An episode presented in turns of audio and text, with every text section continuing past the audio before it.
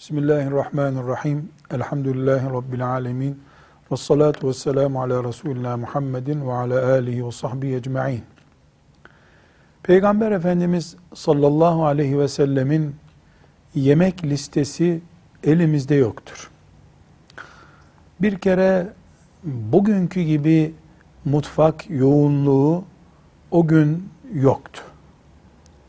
İkincisi elimizde Resulullah sallallahu aleyhi ve sellemin kahvaltıda, iftarda ne yediği, ne kadar yediği şeklinde net bir bilgi de yoktur.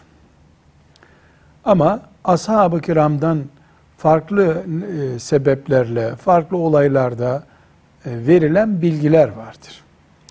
Ancak biz önemli bir noktayı tespit etmemiz lazım.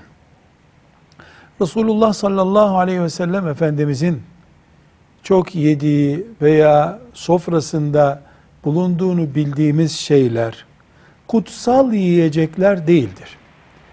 Resulullah sallallahu aleyhi ve sellemin yediği şeyler onun sünnetine, şahsına sevgimizi yansıtması bakımından ilgimizi çeker, hürmetimizi yaparız ama mesela sirke severdi hurma yerdi, süt içerdi, kabak tatlısını severdi.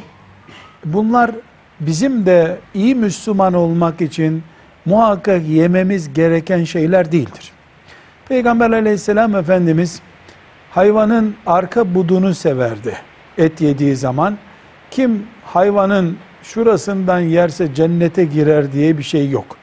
Peygamber aleyhisselam efendimizin yediği şeylere değil, sünnetine, şeriatına sahip çıkmak gerekir. Hurma onun sık sık andığımız yiyeceğidir. Süt içerdi ama Peygamber aleyhisselam efendimiz yediğini değil dinini bize göstermek için gelmiştir. Velhamdülillahi Rabbil alemin.